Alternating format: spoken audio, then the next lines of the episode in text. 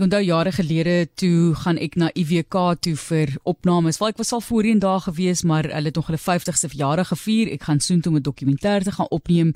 En as deel van hierdie dokumentêr kom dit na vore hoe hierdie universiteit ook die pragtigste fynbos het en biodiversiteit van flora het hopelik dan na binne ook fauna, maar dit is so mooi om te sien. En ons gesels juist dan volgende oor die fynbos op die Kaapse vlakte en Dion Lou gesels met ons oor die fynbosgange wat op die Kaapse vlakte aangelê word en skole word ook by die projek betrek. Ek kan nie dink aan 'n beter leerskool vir 'n kind eintlik nie, né? Dion Lou sluit weer by ons aan. Hy is stedelike vergroening projekbestuurder by Green Pop. Ons het nou die dag ook met hulle gesels, baie interessante werk wat hulle ook doen. Baie welkom aan jou Dion, gelukkige nuwe jaar. Dankie Marlies, dankie vir die geleentheid tyd. Kan ek dan seker nog vir die res van die week sê. So Dion gesels ons net eerstens oor die Kaapse vlakte se fynbos. Jy weet mense dink nie eintlik so daaraan nie. Ek het nooit so daaraan gedink en gedink daar is hierdie geweldige pragtige biome met die hierdie biodiversiteit van fynbos op die Kaapse vlakte en dan begin jy in dele te ry wat jy nie baie goed geken het in jou grootword jare nie en jy word dan vir die eerste keer daarin blootgestel. Dis eintlik regtig baie baie mooi om te sien. Ja, fynbos is nou, natuurlik uiters spesiaal. Daar is 9600 om en by 9600 spesies en ehm um, dit kom net voor in die Kaap tussen Klein Willem en Port Elizabeth en binne daai gedeelte, daai fynbos ehm um, blommeryk is daar verskillende klein ehm um, veldtipes waar verskillende tipe fynbos voorkom. En baie keer is hierdie veldtipes se se omvang nogal klein. Ehm uh, wat ook die geval is met ehm um, die Kaapse vlakte sandfynbos ehm um, wat strek ehm um, so van Bellville tot by Athlone uh, en daar rond en daar's 'n soveel gebou op hierdie op hierdie areas in die laaste uh, paar dekades dat daar baie min ehm um, gedeeltes oor is waar hierdie fynbos nog voorkom. So met ehm um, fynbos for the future en met hierdie ehm um, uh, fynbos gange probeer ons hierdie ehm um, die uitreik van hierdie fynbos uitbrei. En hoe meer mense kinders betrokke kry en hulle geïnteresseerd maak daarin, hoe meer maak jy ook seker vir daardie beskerming vir die baie belangrike fynbos in die toekoms en dit is ook as deel van die fynbos corridor collaboration. So gee net vir ons 'n idee van hierdie gange. Waarna verwys julle? So die gange verwys na ehm um, ons hoofdoel is om die ehm um, Tafelberg Natuurreservaat te, te verbind met die Stellenbosch Natuurreservaat. Daar tans baie min kontak tussen daardie twee uh, natuurreservate en organismes wat in die een natuurreservaat woon kan nie reg ehm um, toegang kry tot die ander ene nie want daar is hierdie groot ehm um, uh, moeras van strate en geboue en goedes wat die wat die organismes nie kan oorsteek nie. So met hierdie ehm um, fynbos gangprogram probeer ons sulke klein ehm um, trapsteentjies ehm um, skep van fynbos waar organismes kan ehm um, eet en hulle kan bietjie tyd spandeer en en dan hopelik met 'n tyd kan hulle op tussen die uh, Tafelberg Natuurreservaat en die Stellenboschberge. Ja, mens voel so skuldig eintlik wanneer jy wel nou nie die hele tyd nie, ek is ook maar net 'n mens, maar jy ry 'n sekere pad en dan dink jy by jouself, hoe moet daai arme arme dier nou aan die ander kant kom en dit is hulle natuurlike habitat en waag kanse met hulle lewens elke dag om net vir ons te sy stap. En dan ja tref jy een van hulle is eintlik 'n aardige gevoels mense dink daaraan so eintlik probeer jy hulle net vir mense vir, vir die diere liewer toegang gee tot hulle eie habitat. Ja ja dit is heeltemal korrek. Ek gebruik altyd met die kinders hierdie vergelyking van 'n uh, suikerbekkie wat 'n baie baie klein petrol tank het. Sodat dit um, elke paar honderd meter 'n uh, petrolstasie nodig om te kan beweeg van een area na 'n ander area So met hierdie fynbossteine skep ons hierdie klein petrolstasies vir vir diertjies soos die suikerbekkie. Dis so oulik. Jou eie petrolstasie is baie oulike manier om daarna te kyk. So kom ons kyk wat julle nou alles bereik het. Al 78% van die fynbos for the future projek is al sedert 19 of 2018 voltooi. Geen net vir ons 'n idee van wat dit alles behels en hoe julle die skole ook daarbey betrek het. Okay, so Fynbos for the future is ons stedelike vergroenings uh, by Green Pop. En uh, met hierdie program plant ons hierdie fynbos biodiversiteitstuine by skole, ehm um, hoofsaaklik op die Kaapse vlaktes. En hierdie tuine uh, dien ook as buitemuurse klaskamers.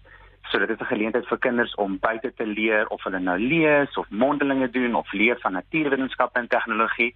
Dit is 'n spasie wat hulle bietjie kan benut, ehm um, eerder as om net heeltyd binne in huis te wees. En baie van hierdie skole met wie ons werk, het nie eintlik toegang tot natuurreservate nie. So ons skep so half ons ding Kirstenbosch na die skole toe in plaas van om vir, van hulle te verwag om na Kirstenbosch te gaan.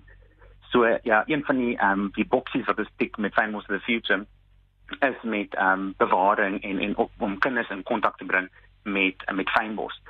En ehm um, hierdie tuine word geskep uh, oor 'n periode van 3 jaar en 6 plantdae en elke plantdag doen ons 'n verskillende eko-opvoedkundige ehm um, werkswinkel met die kinders en die kinders help ons um, met die plante plant. So elke plantdag plant ons 200 fynbosplante en alles is plaaslik inheems.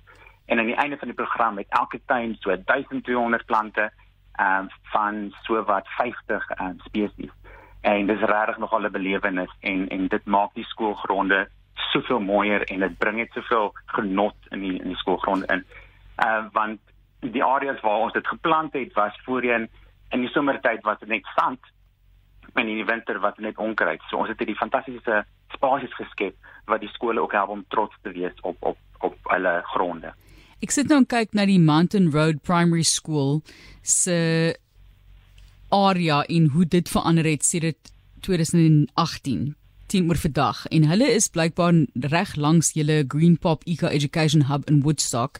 En daarso was nou 5 tot 6 plantdae gewees en hulle het al 83% van die projek voltooi. 679 studente. Die veldtipe sê julle is Peninsula Bernosterveld ek kan vir ons bietjie meer daaroor uitbrei. 961 plante. So wonderlik wat net hierdie een skool reeds bereik het. Ja nee dit is fantasties en en daardie skool dit's ook 'n regtig 'n fantastiese skool. Die die skool is is is baie toeganklik en sy is baie entoesiasties oor hierdie hele projek. En die kinders is is werklik fantasties om mee te werk. Hulle is so entoesiasties, hulle is so gretig om betrokke te raak en hulle hande vuil te kry en met goggas te werk en alles. So dit is regtig 'n fantastiese skool om mee te werk. Ehm um, soos wat ons ander skole is. Ehm um, die die area, die veldtipe wat daar sou voorgekom het ehm um, as daar nie skool was nie, sou wees Skiereiland, Skali, Renosterveld. Nou dit is 'n hoogs bedreigde veldtipe en die enigste plek waar daar nog natuurlike dele daarvan is is op um, dele van Leeukop en van Synheuwel. En soos ons weet, daai twee areas brand verskriklik gereeld. So Synheuwel het nodig om om te brand so tussen elke 15 tot 20 jaar, maar as dit meer gereeld uh, brand, dan uh, verminder die biodiversiteit van daardie area. So ons probeer nou daai biodiversiteit terugbring na na Woodstock. Ja. Ek sien ook wat julle doen byvoorbeeld Strandfontein Primêr, daarso waar hulle geleë is in 1978 is hulle in Mitchells Plain gestig, daardie skool en hoe baie kinders daarbey betrokke was, 949 kinders daarbey betrokke en dis die Kaapse vlakte, duine, strandveld byvoorbeeld. So dis wonderlik om te kan gaan kyk na wat elke skool self ook bereik het. Gesels met ons oor die toekoms. Ons kyk ook na Cyprus primêre skool in Athlone. Hulle is 50% voltooi, so hulle is nog op pad om om klaar te maak met al die take wat lê. Dit is 'n groot onderneming natuurlik om kinders ook in hierdie tyd sover te kry om hierdie tipe van take te verrig wanneer daar so baie druk op hulle is met die opvoedkundige Maar gee net vir ons 'n idee van wat voor lê en ek ek weet almal het hulle eie kan ek maar sê raamwerke waarbinne hulle hmm. beweeg. Een skool bietjie het bietjie meer uh, blootstelling, ander skool bietjie minder. Een skool het groter probleme as die ander skool en kan dalk uh, minder gedoen kry in hierdie periode van tyd wat jy soek. Maar gee vir ons 'n idee van die toekoms. Ehm um, so COVID het natuurlik vir ons verskriklik gekniehalter. Ehm um, en ons is klein bietjie agter met ons plan daar want ons kon nie met die kinders werk nie en, en die hele projek gaan oor om kinders op te voed en hulle ehm um, kontak met natuur te ver, vergroot. Ehm um, en so die toekoms is is nog ehm um, die helfte van die plan daar is oor. Ehm um, so ons elke plan daar word uh, word geborg deur 'n deur 'n maatskappy en dan uh, nooi ons die mense van die maatskappy om uit te kom en die dag te gebruik as 'n spanboudag. So hulle neem deel aan die opvoedkundige werkswinkel en hulle help die kinders om die plante te plant en dit is 'n fantastiese geleentheid vir hulle om ook betrokke te raak en en iets terug te gee en bietjie uit die kantoor uit te kom. So ons maak 'n beroep op ehm um, maatskappye om om ons bietjie te help en te assisteer en 'n plandag te borg en uit te kom en bietjie saam met ons pret te hê. Fantasties. Mense kan gaan kyk op julle webblad, die inligting is daar beskikbaar. Dit is korrek. So dit is www.greenpop.org. Greenpop is dis die groen en pop is 'n popcorn want ons maak greening popular. of hulle kan vir ehm um, Carla 'n uh, uh, uh, e-pos stuur, soos carla@greenpop.org en dan kan hulle met haar gesels oor oor 'n plandag borg. Ehm um, ja, en dit sou verskriklik lekker wees om om meer mense te nooi om om saam met ons die plandag te geniet. Fantasties. Is baie mooi om te sien hoe die skole verrig het. Regtig mooi foto's ook daarso waar jy kan gaan kyk en hoe die landskappe van die skole daardie projekte aangeneem het en nou net so mooi lyk en baie baie beter ook is. Dion Lou en hy is die stedelike vergroening projekbestuurder by Green Pop. Greenpop.org is waar jy kan gaan kyk en dit is daardie beskerming van die fynbos op die Kaapse vlak.